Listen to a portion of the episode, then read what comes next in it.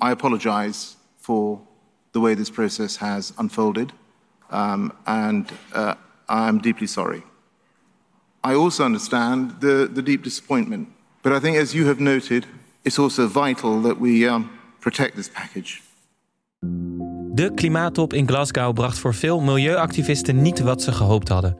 Maar toch lijkt er langzaam iets meer te veranderen. En die verandering vindt ook plaats op plekken waar je het misschien wel niet verwacht, namelijk in de boardrooms van grote bedrijven. Want hoewel Shell mede vanwege belastingen uit Nederland vertrekt, betekent het niet dat het bedrijf in rustiger vaarwater komt. Steeds vaker proberen idealistische aandeelhouders invloed uit te oefenen op de koers van het bedrijf. En sommigen hebben nog succes ook.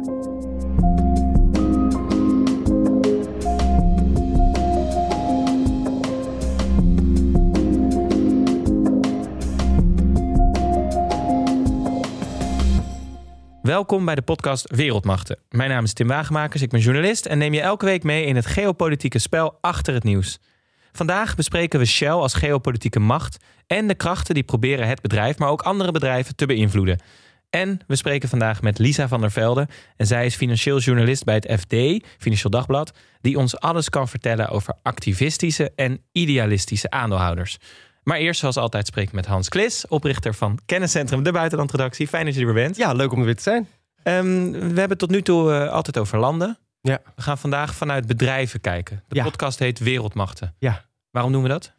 Nou ja, Shell als oliebedrijf en oliebedrijven op zich, dat zijn wereldmachten die, die, die de koers van de politiek in andere landen veranderen. En die met, zeker eh, als we kijken naar klimaatverandering, ook de hele wereld ja, beïnvloeden eigenlijk. Ja, je zag het misschien wel aan hoe eh, partijen, linkse partijen in Nederland, die dividendbelasting Mhm. met heel veel moeite kregen. En toen Shell wegging, het kabinet binnen een, een minuut vroeg, kunnen we dat misschien terug toch weer veranderen, want anders gaat Shell weg. Ja. Met andere woorden, bedrijven bepalen dingen of in ieder geval hebben invloed. Ja, ja, en het is natuurlijk een visitekaartje van Nederland. Ja. Ja. Shell wordt door ontzettend veel dingen beïnvloed. Je hebt regelgeving van overheden, er zijn rechtszaken geweest, waardoor Ja. ze eh, zich meer moeten inspannen om aan klimaatdoelstellingen te voldoen. Maar vandaag gaan we het meer hebben over de aandeelhouders en de invloed die zij hebben. He- he- hebben zij misschien wel in dat hele rijtje de meeste invloed? Want uiteindelijk werkt een bestuur altijd voor de aandeelhouders, toch? Ja, ja. maar eh, we zien nu bij Shell dat daar eh, activistische beleggers en je zou kunnen zeggen idealistische beleggers nu eh, proberen invloed uit te oefenen op Shell door ja, aandeelhouders achter zich te krijgen om ervoor te zorgen dat Shell ja, zich duurzamer gaat gedragen in de toekomst. Bijvoorbeeld door emissies sneller eh, naar beneden te brengen. Je hebt Follow This, eh, die dat beoogt te doen. Maar je hebt ook Third Point. En dat wil eigenlijk dat Shell zich in twee bedrijven splitst. Een duurzaam bedrijf dat zich helemaal toericht op de energietransitie. En ja, eigenlijk een vies bedrijf, zou je bijna kunnen zeggen. Met alleen maar al die fossiele brandstoffen en, en gas. Wat nog steeds super lucratief zal zijn natuurlijk. Maar dat het gewoon gescheiden is. Ja, dus eigenlijk heb je dan bedrijven of beleggers die, die hebben aandelen, die kunnen dus dingen be- beslissen. En die maatschappij komt die boardroom in. Ja. En, en, en follow this. Ik, ik kan ook een aandeel kopen. Ja.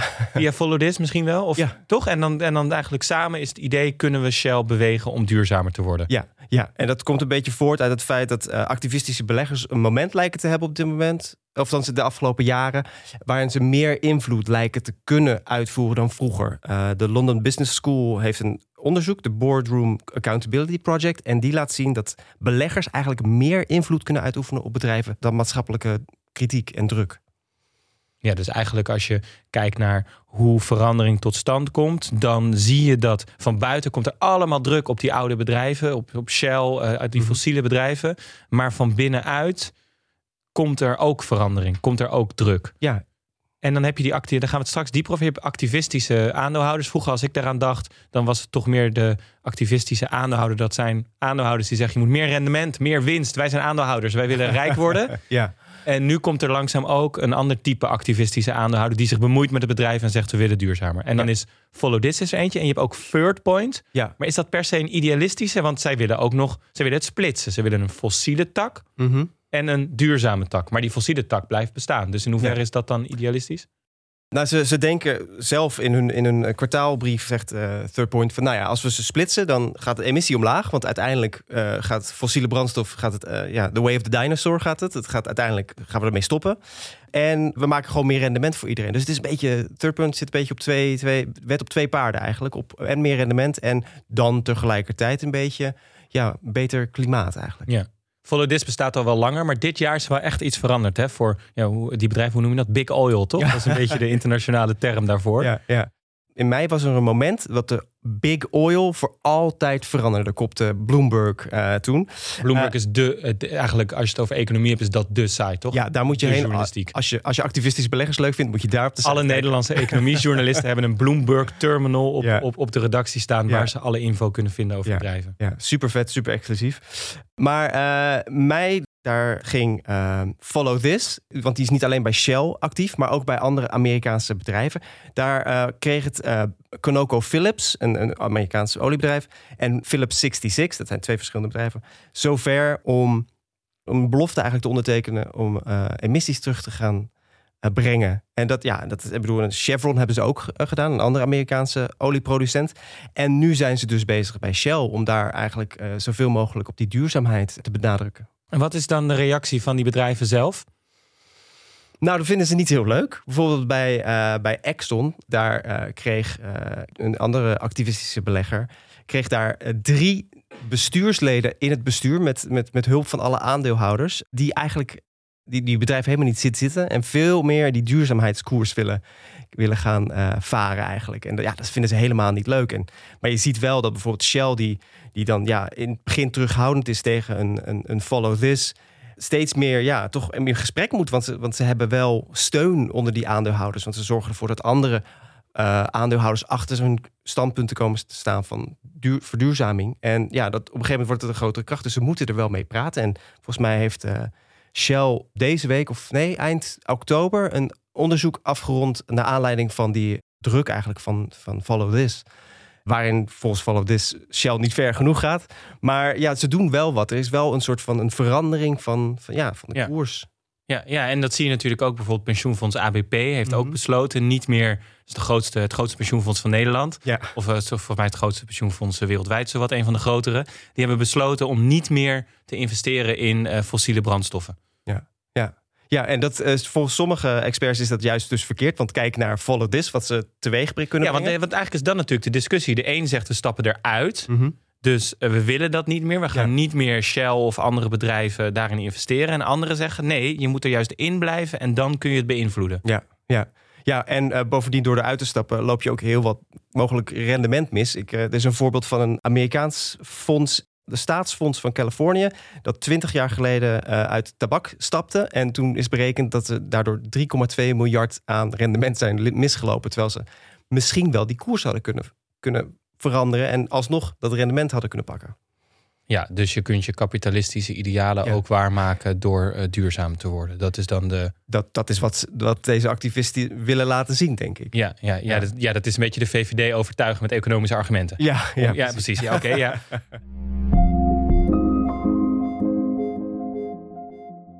maar breder dan. Want dit gaat over klimaat. Maar als je kijkt naar Shell, dat is, uh, dat is misschien moeten we dat toch nog eens duiden. Het is één bedrijf. Mm -hmm. Maar als je het nou hebt over de opgave waar we voor staan, op wat voor manier is Shell dan een wereldmacht? Dat we daar nu zo op moeten letten. Want supergoed natuurlijk als een bedrijf duurzaam wordt. Maar er zijn ook mensen die zeggen, ja, fossiel heeft de toekomst sowieso niet. Mhm. Mm -hmm. dus, dus, dus, Shell is, is ook langzaam uitgespeeld. Ja, nee, dat, uh, volgens mij zei Hubert Smeets dat in, uh, in NRC. Shell is van de uh, 19e eeuw. ASML is van, van nu.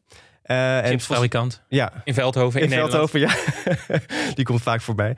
Maar uh, ja, de fossiele, fossiele brandstof heeft natuurlijk niet de toekomst meer. Maar uh, Shell die poneert zich natuurlijk wel zo van dat zij die energietransitie gaan mogelijk maken. Waardoor wij met z'n allen, weet je, allemaal elektrisch gaan rijden. Nooit meer koolstofgassen de, de, de, lucht in sturen. maar ja, als oliebedrijf, en ik wil niet per se nu Shell noemen, maar oliebedrijven die houden met hun ja, honger naar fossiele brandstof wel heel veel vervelende dingen in de wereld uh, in stand. Zoals uh, autocratieën en dictaturen die, die, die, geld verdienen aan olie. Want ja, er is genoeg van en genoeg geld dus. En dan kunnen ze mensen afkopen in, in het binnenland die, ja, misschien niet eens zijn, maar ja, daardoor niet gaan demonstreren. In Libië is een burgeroorlog waar ook natuurlijk die olie een rol speelt. Die klimaatverandering natuurlijk. Uh, het zijn allemaal dingen die, die Shell en andere oliebedrijven gewoon een wereldmacht maken. Als uh, Shell zit aan tafel met de grote spelers in Rusland. Die zou, weet je, uh, je ziet naar de, naar de Krim-inval van Rusland in Oekraïne. Toen zag, zat volgens mij Shell binnen twee weken wel weer met Rosneft en andere Russische oliebedrijven aan tafel. Dus het is wel een speler van formaat. Maar hoe kijk je dan naar de kracht van die activistische, en dan bedoelen we in dit geval dus de activistische aandeelhouder die mhm. wil dat uh, fossiele bedrijven meer stappen zetten richting duurzaamheid. Hoe kijk je dan naar hun macht als tegelijkertijd die grote bedrijven ook met wereldleiders aan tafel zitten mhm. en ook met aandeelhouders die zeggen: ik wil gewoon zoveel mogelijk rendement en ik, mhm. ik heb helemaal geen trek hierin. Ja, Hoe groot is hun slagkracht dan? Want je zegt bij sommige bedrijven hebben ze wat meer mensen in het bestuur gekregen die wat uh, meer willen op duurzaamheid. Bij, bij, bij Exxon is dat gebeurd. Hoe groot is hun slagkracht dan? Of moet dat zich nog ontwikkelen? Ik denk dat de, uh, het staat en valt eigenlijk bij het rendement wat aandeelhouders krijgen in de, in de, in de, op de korte termijn en de lange termijn. Ik bedoel, als, als het blijkt dat eh, die duurzame koers eigenlijk ervoor zorgt dat al die aandelen uh, zakken en mensen hun investeringen niet terugkrijgen, ja. Ja, dan is het nog maar de vraag of die, die idealistische, duurzame koers gevaren blijft. De New York Times vond dat in 2020 drie op de vier groene aandelen, dus eh, van bedrijven die, die, die richting duurzaamheid gaan, het beter deden dan normale uh, aandelen. En dat is natuurlijk 2020 was een gek jaar, waar met, met corona en met de, de olieprijs die, die echt door de kelder zakte. Uh, maar dat geeft wel hoop. Ja, dat er een groene, duurzame richting ja. gevaren kan worden. En wat moet dan onze houding daarin zijn? Want um, je kunt daar heel cynisch over zijn en zeggen, mm hè, volgens mij in de jaren 60 uh, werd al gewaarschuwd dat uh, fossiele brandstoffen de wereld uh, toch wel kapot konden maken. Ja, 1959 zelfs. 1959. Nou, um, ik herinner me ook nog een stuk, um, volgens mij van Jelmer Mommers, die heeft geschreven dat hè, rapporten in de la verdwenen bij Shell, terwijl al lang duidelijk was. In de jaren 80 was dat, dat ze echt iets anders moesten doen. Ja. Nu is natuurlijk, ik zag een filmpje op van Shell, een reclamefilmpje waarin zeiden Shell gaat voorop in die transitie. Mhm. en, en ik ben dan in dubio, want ik denk aan de ene kant, nou ja, het verleden wijst niet uit dat jullie voorop zijn gegaan. Mhm. Aan de andere kant, nou, als dit het verhaal is, alsjeblieft, ga er dan voor. En, en, en uh, misschien mhm. is Shell ook wel een belangrijke speler daarin. En moet ik mijn idealisme een beetje loslaten. en dan toch maar hopen dat zij dat gaan doen ondanks dat de olieindustrie de, de carbon footprint heeft uitgevonden om jou en mij eigenlijk te shamen om, om minder, uh, minder te gaan rijden en, uh, en uh, minder plastic te kopen. Sorry, dat moet je uitleggen. De, de, de, de, de, voet, als, ik, als ik vlieg, dan heb ik een hoge CO2-uitstoot ja, voetafdruk. Ja, en in de jaren 80. Wat hebben zij uitgevonden? Heeft de BP heeft dat uitgevonden. British Petroleum heeft het uitgevonden. En dat zijn allemaal spotjes geweest die in de jaren 80 opkwamen. Die de, de burger en de overheid wezen op. Van jullie zijn verantwoordelijk voor voor de, alle, uh, alle broeikasgassen. Wij niet. Wij maken alleen maar de producten. Ja, uh, jullie gebruiken ze. Jullie bij de consument. Ja, ja. Um, dus uh, wat was je vraag ook weer? De vraag was, moet je, ze, moet je ze de ruimte geven om die transitie te maken? Ja. Of, of is het cynisme terecht dat zegt, dit is natuurlijk ook puur en alleen omdat, het, omdat er zoveel druk ontwikkeld wordt dat ze niet anders kunnen? Ik denk dat we heel cynisch moeten blijven, gewoon voorlopig. Want ja, die, uiteindelijk uh, hebben, ze, hebben oliebedrijven dat verleden, waarin zij heel veel hebben tegengewerkt. Ze moeten zich bewijzen, gewoon simpelweg. Uh, en ik denk dat het heel erg helpt dat er een activistische druk is vanuit de beleggers. Maar ik denk dat we uh, moeten hopen dat, dat, dat Shell inderdaad met de opbrengsten, zoals ze zeggen, van uh, de olie en gas, daarmee de energietransitie mogelijk kunnen maken. Laat dat, laat dat aannemen dat het, dat, of in ieder geval hopen dat het lukt. Maar laten we vooral cynisch blijven, denk ik, in dit geval. En hoe moeten we kijken naar de rol van zo'n third point dan bijvoorbeeld, hè, die dus mhm. voor die splitsing is van het mhm. bedrijf? Hoe moeten we naar hun rol kijken? Het is anders dan die van, van uh, Follow This natuurlijk. Want zij hebben wel echt duidelijk uh, ja, een rendement uh, in, in het hoofd van dat willen zij bereiken. Het staat ook echt in, dat, in, hun kwartaalbrief staat ook echt van... nou ja, wij geloven dat de aandeelprijs van Shell eigenlijk consequent lager wordt gezet... dan die eigenlijk hoort te zijn. want Shell is een beter bedrijf dan Exxon en Chevron. Schoner, beter. Maar aangezien dat fossiele uiteindelijk... daar komt, wordt heel veel verdiend Laten we dat apart zetten, want daar kun je dan twee, een andere beurs, eh, ook aandelen voor hebben die dan heel hoog gaan, want daar wordt veel geld verdiend. En laten we dan dat scheiden van elkaar, want dan hebben we zowel hebben we dus die twee dingen: duurzaamheid bij dat, bij het schone, schone bedrijf en ook heel veel rendement. En op een gegeven moment houdt dat op en dan, weet je, dan hebben we zijn alle oliebronnen leeg en dan houdt het bedrijf op te bestaan. En dan verdienen we er heel veel aan. En dan hebben we daarnaast nog een soort van dat idee van er is nog wat, uh, we hebben wat aan het klimaat gedaan. Oké, en misschien om dan nog één laag moeilijker te maken. Je hebt Follow This, die bemoeit zich met Shell. Die zeggen, jullie moeten grote stappen zetten om duurzamer te worden. Ja. Stoppen met fossiel, eigenlijk. Uiteindelijk is dat misschien niet de eerste stap, maar dat moet toch echt gaan gebeuren. Ja. En dan heb je uh, dat Third Point, die zegt, je moet splitsen. Hoe kijken die naar elkaar? Is, is Follow This enthousiast over Third Point? Of is daar ook nog een strijd tussen die aandeelhouders dan weer onderling over de mate van idealisme. Wat, van wat ik heb begrepen in ieder geval is dat er dat het, het zijn gewoon twee, ze hebben twee andere belangen. Gewoon de, de belangen zijn anders. Maar het mooie is van die aandeelhoudersvergaderingen dat uh, de aandeelhouders de ene keer natuurlijk zich kunnen voegen bij Follow This, maar de andere keer naar dat Third Point kunnen gaan. En ik heb het idee dat Third Point nog niet zo heel, eigenlijk niet zo heel veel voet aan de grond krijgt uh, bij de aandeelhouders van Shell, omdat het gewoon een te drastische uh, ja, stap zou zijn. Want Shell is nu het hoofdkantoor verplaatst naar, naar, uh, naar, naar Groot-Brittannië. Ja. Op wat voor termijn staat er voor hun iets op het spel? Nou, ik denk, uh, we leven komt nu... Er, komt er een grote aandeelhoudersvergadering aan binnenkort? Komen er rechtszaken? Komen die rechtszaken over die, die, emissie, die, emissies die in, in mei... waar een oordeel werd ge, ge, gedaan over dat het feit dat ze zich moesten houden aan die emissievermindering van 45% in 2030. Dus ze zijn in beroep gegaan. Dus daar, die komt nog. Uh, ja, de aandeelhoudersvergadering komen er natuurlijk ook nog aan. Uh, en ja, ik wilde eigenlijk op je vorige vraag nog even verder gaan. Wat, staat, wat staat Shell te wachten? Nou, waarschijnlijk wel iets, misschien iets van een splitsing. Maar misschien niet zo heel snel, want het tijdperk sowieso van grote conglomeraten is gewoon voorbij. Dat zag je afgelopen maand in met Toshiba, General Electric. Heel, daar, daar zijn heel veel activistische beleggers bezig met de, de som der delen eigenlijk weer uit elkaar te halen. Want ze zijn afzonderlijk, tegenwoordig afzonderlijk meer waard dan vroeger. Uh, Dus dat zit misschien nog wel, dat, dat third point nu zijn zin niet krijgt, maar wel later. Maar, maar dat is minder met idealisme en meer met rendement te maken. Ja, ja. Um, kun je dan zeggen, als we het over die bedrijven als wereldmachten hebben, dat misschien het rendement met die splitsingen omhoog gaat, maar dat misschien toch die conglomeraten hebben ook meer macht, lijkt mij. Want je hebt gewoon veel meer in de melk te brokkelen hoe groter je bent en hoe meer plekken je vertakt bent. Ja. Betekent dat ook dat misschien het einde van het bedrijfsleven als grote machtspeler die bij Poetin op bezoek mag, zoals Mhm. Shell dat mag, mm -hmm. uh, dichterbij is als die conglomeraten kleiner worden? Nee, want je, oh. sowieso zie je, zo ander soort bedrijven zoals Facebook zie je groter worden. Die hebben ook heel veel invloed. Maar ik denk dat als, als, als Shell zich terugtrekt, dan zul je waarschijnlijk wel zien dat andere Amerikaanse oliebedrijven en Russische oliebedrijven wat meer in die ruimte gaan zitten. Dus dat einde van die rol van, van die uh, olie olieproducenten is niet voorbij. Ah, dus eigenlijk als ik het moet snappen, dan, dan, dan zeg je die conglomeraten zijn misschien niet voorbij, maar dat zijn andere sectoren. Mm -hmm. En die oude industrie, daar wordt gesplitst. Omdat sommige pakketjes zijn meer waarde dan ja. anders. Zoals ja. Philips bijvoorbeeld hun medische tak ja. heeft overgehouden. Want dat is de toekomst, medische de toekomst. tech. En uh, de, de lampen, eigenlijk daar stoppen ze mee. Dat levert minder op. We gaan dieper in de hoofden van die activistische aandeelhouders. Wie zijn ze, wat doen ze en uh, hoe denken zij over het leven? daar, gaan we mee praten, daar, daar gaan we over praten met Lisa van der Velde, financieel journalist van het Financieel Dagblad.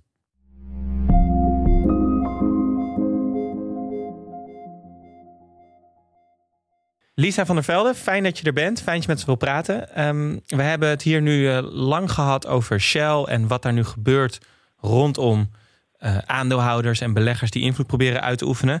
Jij bent financieel journalist en jij gaat activistische aandeelhouders spreken de komende weken. Jij gaat interviews met ze doen. Ja, klopt. We beginnen een serie waarin we elke week een andere type activistische belegger uh, het vuur aan de schenen leggen. Uh, en er zijn nogal verschillende soorten, dus um, ja, en, het wordt interessant. En waarom nu? Waar ben je benieuwd naar? Nou ja, waarom nu? Eigenlijk is het uh, zeldzaam dat zoveel Nederlandse bedrijven uh, een activist aan boord hebben. Dus je hebt nu Ahold, uh, Shell, Intertrust en Just Eat Takeaway van Thuisbezorgd. Mm -hmm. um, dus het is een behoorlijke hot topic at het moment. En die klimaatdraai die er ook wordt aan wordt gegeven momenteel is best wel interessant. Ja, ja want, als, want als we nou in die hoofden van die aandeelhouders gaan kijken... en, en jij kunt ons daar misschien een beetje in meenemen, dan, dan is het klassieke beeld van een activistische aandeelhouder is een aandeelhouder die zich wil bemoeien met het bedrijf, want die zegt jullie kunnen meer rendement maken, we kunnen meer verdienen. Dat is toch een beetje de jaren tachtig Wall Street-achtige aandeelhouder. Ja, klopt. De Elliots van deze wereld, uh, die sturen je een brief. En daarin staat eigenlijk, hoi, hallo, hier zijn wij. Um, of je even de strategie van je bedrijf compleet wil omgooien. Uh, en anders uh, dan gaan we aan de poort rammelen. Um, dat zeggen ze allemaal iets beleefder, maar het is, dat is wel een beetje de manier. En zo'n strategie is dan vaak een deel afsplitsen. of een overname doen of een overname teniet doen in het geval van Just Takeaway. Mhm. En ja, dat is best wel een nachtmerriescenario voor veel beursgenoteerde bedrijven. En juist vanwege dat klassieke aandeelhoudersactivisme zijn ook nu hele strenge regels in Nederland tegen activisten op de beurs. Ja. Ja, en, uh, en, en, wij hebben het natuurlijk gehad over die, die, die actieve... Uh, idealistische aandeelhouders. idealistische aandeelhouders. En um, waar moet je, ja, moet, je, moet je die op hun, uh, op hun ogen geloven? Dat ze, dat ze zo'n zo third point die dan zegt... ja, emissie is heel belangrijk, maar ook follow this. Maar, of engine number one, dat soort bedrijven. Moet je, die, je, moet je die geloven als ze zeggen dat ze echt die emissie willen terug, terugdringen eigenlijk? Ja, ik zou ze allereerst niet allemaal op één hoop gooien. Uh, third point is echt iets anders dan follow this. Uh, en engine number one is ook al een beetje een twijfelgeval. Ik denk dat je van follow this wel echt kan zeggen dat het hen gaat om het klimaat. En dat ze dat al heel erg lang proberen aan te kaarten. En steeds meer um, ja, voeten aan de grond krijgen. Steeds meer andere aandeelhouders meekrijgen. Um, bij Third Point gaat het volgens mij gewoon echt om de aandeelhouderswinstmaximalisatie. Lang woord, maar uh, om geld. Geld. ja, um, want die zeggen in feite uh, doe het fossiele deel maar in het ene deel en, en het klimaatgebeuren in het andere deel. Ja. Um, terwijl je er misschien meer voor kan zeggen om het bij elkaar te houden en juist met de opbrengsten van fossiel uh, de vergroening te versnellen. Ja, en, en oh sorry, maak ja, je maar af. Oh, nee, ja, en, engine number one is ook interessant. Die zitten dus bij Exxon. Ja. Um, maar de voormalige baas van het fonds had een kolenmijn. en um, ja, er wordt, daar zijn, worden ook wel veel twijfels bij gezet. Van, is dit een soort publiciteitsstunt omdat zij net een eigen fonds wilden oprichten? Mm -hmm. Ja. Ja, en, uh, maar, maar, als we kijken naar Shell, zie jij dan wel een soort van dat er, dat er overlap is bij de aandeelhouders die achter Follow This staan of, of achter Third Point? En is er een soort van coördinatie of samenwerking of zo binnen Shell? Ja, binnen Shell weet ik niet, maar oh. wat je wel, wat je wel ziet is dat um, Follow This dus steeds meer steun krijgt. En dat is voor Shell ook wel verwarrend, want zij hebben een eigen plan ingediend om te vergroenen. Mm en daar hebben we 90% voor gestemd. Maar een deel van die 90% heeft ook weer voor het plan van Follow This gestemd. 30%. Mm -hmm, uh, en die willen veel sneller vergroenen. Ja, dus ja. ja, er zit een overlap in. Uh, en ik denk dat het bredere beeld is gewoon... Shell staat onder druk, net als elk ander gas- en oliebedrijf... om veel, veel sneller te versnellen dan ze eigenlijk zelf willen of van plan waren. En um, daarmee, daarin ga je samenwerkingen en allianties tussen vreemde partijen zien. Ja. ja. Jij zei eigenlijk, ik vond het wel interessant, dat er best wel strenge regels zijn gekomen voor activistische aandeelhouders die bijvoorbeeld in Nederland grote bedrijven, nou ja, met zo'n brief uh, van totale strategie willen veranderen. Is dat ook iets wat die idealistische aandeelhouders uh, merken? Vallen die daar ook onder? Of, of hebben die wel de ruimte om een, een, een grote koerswijziging te eisen als ze maar genoeg steun hebben? Nou, de, uh, op, in principe valt elke activistische aandeelhouder daaronder. En het is echt gebeurd na Actie Nobel in 2017. Uh, toen kwam Elliot zo hard aan de poort rammelen dat daar strenge regels zijn geweest. En wat je nu gewoon altijd kan doen als Nederlands bedrijf is de pauzeknop indrukken. Uh, dus als iemand zegt ik wil jouw complete strategie wijzigen, ik wil al die mannetjes in jouw bestuur vervangen, dan druk je letterlijk een pauzeknop in van 250 dagen waarin je daar even niet mee hoeft te dealen. Um, dat geldt voor iedereen. Alleen hoe meer passieve beleggers je aan je zijde krijgt, uh, hoe minder die pauzeknop eigenlijk zin heeft. En dat zag je bij, bij Exxon bijvoorbeeld. Ja. Uh, Engine Number One is zelf helemaal niet zo groot. Ik dacht dat ze 0,02% van de aandelen maar hadden. Mm -hmm. uh, maar in één keer hadden ze BlackRock achter zich en Vanguard. Nou ja, dat zijn grote jongens. Ja, ja die bepalen 25% van de bestuurs... Um, mensen die, die, die, die in de bestuur zitten van bedrijven in Amerika. Dat las ik. Dat is veel. Ja, ja, dus, dus zij hebben gewoon echt enorm veel macht. En, en wat wel echt aan de hand is, is dat klimaatrisico, dat wordt gewoon steeds meer een materieel, financieel risico. Mhm. Dus daarin krijgen al die aandeelhouders langzamerhand een gedeeld belang. Als we niets doen, eh, zijn we het bokje. Maar dan, maar, maar dan is de vraag, zeg maar, die aandeelhouders, als het ook steeds meer een financieel model wordt, lopen die achter de verandering aan? Zeg maar, of eh, zijn die ook degene die het aanjagen nu en, en voor de troepen uitlopen? Ja, dat hangt per aandeelhouder af. Ik denk dat je in het geval van, geval van Follow This wel echt kan zeggen dat die op de troepen vooruit lopen. Mhm. En dus iets meer voeling hebben met wat er nu in de maatschappij leeft. Namelijk, we willen vergroenen en we willen dat jullie het nu doen. En het niet allemaal op de consument afschuiven. Ehm, maar er zijn ook aandeelhouders die veel passiever zijn. Die wel om het klimaat geven, maar niet zo snel op de trom zullen slaan. Ja. Die hebben misschien zo'n kleiner activistisch fondsje nodig. Die daar wel toe bereid is. En die van lawaai maken eigenlijk een hele verdienmodel heeft gemaakt. Ja, maar, misschien, maar misschien dan toch, als we dan die. Stel je bent nu, stel je bent nu opeens een activistisch aandeelhouder, of, of je hebt eh, aandelen in Ellie, of je, of je bent betrokken daarbij. Ehm, die, die, die klassieke activistische aandeelhouder, die, waarbij het om geld draait, die is er Mhm. ook nog steeds. Ehm, en dan heb je die idealistische aandeelhouders, en soms overlapt dat een beetje. Is er een soort van richtingenstrijd gaande in de aandeelhouderswereld, of, of komen die belangen steeds meer bij elkaar? En wat ik mij heel erg opvalt, dat aan de mensen die wij interviewen, dat ze zich allemaal heel erg distancieren van dat klassieke aandeelhoudersactivisme. Zo willen ze niet gezien worden. En het is een deel van wat ze doen. Ehm, maar ze proberen dus ook ja, juist meer op dat klimaat te gaan zitten. Dat geeft ze natuurlijk ook een sympathiekere uitstraling. Ehm, en, het, en het is dus uiteindelijk een economisch argument om te zeggen: doe alsjeblieft iets aan die vergroening, want anders dan krijg je overheidsregels. Mhm. Ehm, en dat, dat wordt gewoon eh, een risico. Maar als we cynisch zijn, ik bedoel, uiteindelijk telt natuurlijk het rendement, de aandelenkoers. Eh, stel dat die voor Shell, eh, ondanks al die beloftes die er misschien gaan komen, daalt, daalt, daalt. Chevron hetzelfde, onder die duurzame koers. Ja, gaat het, gaan ze dan weer terug? Gaan ze dan weer toch die, die, die- lekker alles verbranden en eh, die kant op? nou, wat je dus wel ziet, en daar is op zich ook onderzoek naar gedaan, is hoe lang blijft zo'n aandeelhoudersactivist nou? Ehm, en, en ja, je ziet gewoon dat op de korte termijn gaat de koers omhoog als zo'n activist zich er tegenaan gaat bemoeien. Mhm. En dat zal je ook zien met activisten die op dat klimaatniveau actief zijn. Maar op de lange termijn stappen ze eruit en gaat de aandeelhouderswaarde juist naar beneden. En hetzelfde gaat voor de winst, want dan is het eigenlijk een beetje ja, achtergelaten.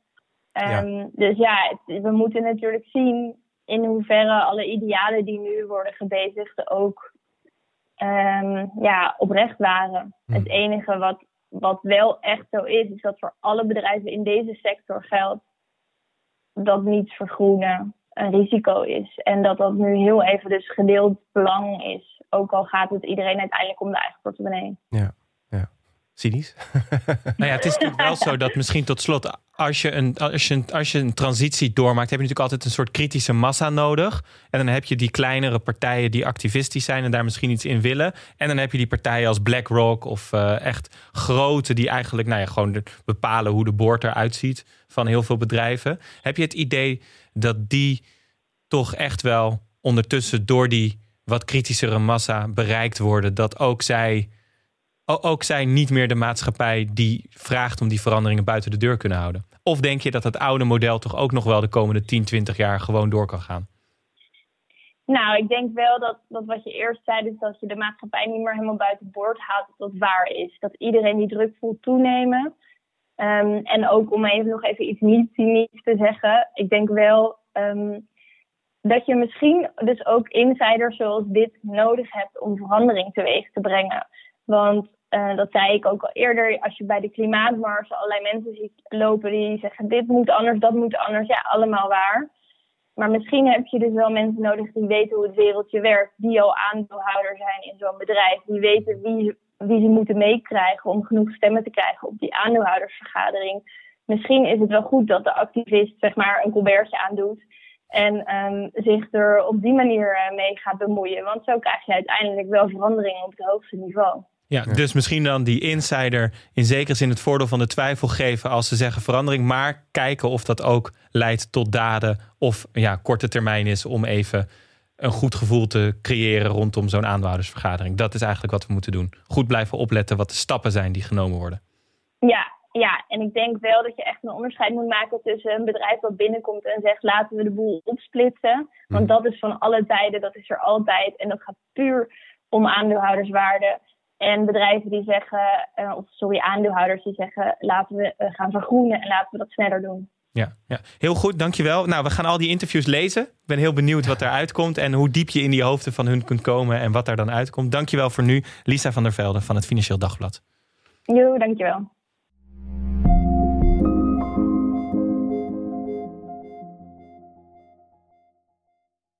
Ben je eigenlijk activistisch, Hans? Een beetje. moet je misschien niet op deze podcast. moet, je, moet je misschien toch meer een Colbert aandoen. en, uh, en, en, tegen het cynisme van binnenuit iets veranderen. Ja, ehm, het is wel interessant, hè? want ze heeft het over die klimaatmars. Dat dat een van de dingen is. Maar ja, volgens mij hebben we ook een woningmars gehad. Mm woonprotest. Uh, Er zijn ontzettend veel dingen waar nu op dit moment de maatschappij zich druk om maakt terecht, denk ik. Mhm. Ehm, denk je dat die ook de boardrooms in gaan komen? Dat het meer dan klimaat gaat zijn? Of gebeurt dat al? Nou, we leven natuurlijk in een tijd waar activisme steeds, steeds meer op de, op, ja, de voorpagina en meer in ons leven komt. Ik bedoel, eh, met die woningmars en zo. Dus ja, het zou best eens kunnen. Je ziet natuurlijk ook uh, Silicon Valley bedrijven of waar, waar bijvoorbeeld uh, bestuursleden zich onwijs hebben misdragen. En ja, misschien wel vrouwen en, en weet je, met racisme en dat soort dingen. Ja, daar zou je natuurlijk, als je daar, daar zou je dus ook op kunnen inspelen en kunnen zeggen, nou, we willen an, een andere koers voor dat bedrijf. En dan zetten we mensen in het bestuur. Ja. Ja, en, en misschien ook wel rondom vastgoedbeleggers. Of, uh, of ja. BlackRock toch ook wel zo'n partij ja, die flink in het vastgoed zit in Nederland. Um, maar misschien zie je ook wel, volgens mij zie je ook wel dat die ook al een beetje voorsorteren. Mm Want als je in, soms in van die mooie, die zie ik nog wel eens, van die brochures van nieuwe woningcomplexen, dan is het mm allemaal uh, we are building an inclusive mm new housing, uh, plekken voor starters. Het zijn allemaal ook taal eigenlijk uit het activisme die nu al gebruikt wordt door die bestuur om erop voor te sorteren. Dus misschien oh, komt het op die manier ook al op gang. Of is het ook een beetje ja, nou, witwassen van ik, taalgebruik wat voor demonstranten gebruikt wordt? Ik denk dat het deels gewoon doen, wat, doen is wat populair is. Waar, waar ze mensen mee kunnen, kunnen paaien. Ehm, maar dat het uiteindelijk misschien wel kan leiden tot, een, ja, tot, wat, tot verandering, inderdaad. Uh, maar wat wordt volgens mij voor het, in het begin voor, voor de bühne gedaan. Maar dan is de manier om een wereldmacht, uh, en dan als je het over bedrijven hebt, misschien ook wel overheden, maar vooral bedrijven, om een wereldmacht een andere koers te laten varen, is druk van onderaf. Ja. Die insiders beweegt mhm. om te vragen om een andere koers. En als je dat kan combineren, ja. dan kunnen bestuurders gaan luisteren. Ja, ja precies. Dan eindelijk kan je dan die ene automobilist die eigenlijk niet wil tanken, ja. kan, je, kan je met BlackRock kan je dan zover krijgen ja. om, om, een, om een stem te hebben. En de andere kaart is natuurlijk via hun kleinkinderen spelen. Ja. Wat voor manier wilt u dat uw kleinkinderen opgroeien? ik weet niet of dat werkt trouwens, maar dat probeer als je. Als je heel veel geld hebt, dan is het heel wat anders dan... Uh... Ja, dat is waar. Ja. Uh, eindig je toch weer pessimistisch. ik probeer dat, dit te hebben over hoe je macht kan brengen. Nou, anyway, um, um, we gaan het volgen. Uh, Shell is dus weg uit Nederland of gaat weg uit Nederland met hoofdkantoor. De banen blijven wel, hè? dat benadrukt ze altijd. Maar, Voorlopig, ja. ja maar ze zijn nog zeker niet um, in rustig vaarwater. Dat is nee. wel duidelijk. Um, we gaan hem afronden, maar niet voordat jij natuurlijk weer een leestip van de week hebt. Ja, en deze, ik heb, ik heb een, lachende Kim Jong-un hier op de, op de cover staan van The Great Successor, The Secret Rise and Rule of King Jong-un van Anna Fifield. En uh, een van mijn favoriete anekdotes eigenlijk over Noord-Korea komt uit dit boek. Dat is uh, over hoe uh, Kim Jong-un zijn eigen poep altijd overal met zich meeneemt in een mobiel toilet, omdat hij die niet achter wil laten voor ja, inlichtingendiensten om te analyseren of die wel gezond is of niet. Uh, maar dit boek is gewoon echt een, een geweldig inkijkje in zowel uh, de, de, ja, de, de, de, de, darmen van Kim Jong-un, maar ook gewoon waarom het land zo is zoals het is. Ik denk dat het uh, medisch centrum in Nederland heel blij is. Een hele goede gezondheidstip. Je moet altijd achterom kijken. Dus ja. Kim Jong-un, oké, nou ja. ja. interessant, interessant. Wat, wat, wat ik zelf interessant vond, van mij staat hij nog een paar dagen online, is de docu van Vitaly Mansky uh, documentaire maken over Gorbachev. Heaven staat op NPO mhm. Start. En je volgt eigenlijk de 90-jarige leider in zijn woning. Het is ook een beetje tragisch. En hij blikt terug op zijn leven. En nou ja, het is gewoon heel tragisch, maar ook wel mooi. En ik, ik zat ook te denken, dat is misschien als je hem kijkt, de tip daarbij. Hoe zou Rutte erbij zitten als hij 90 is en een documentairemaker komt om terug te blikken? Ja, met een appeltje.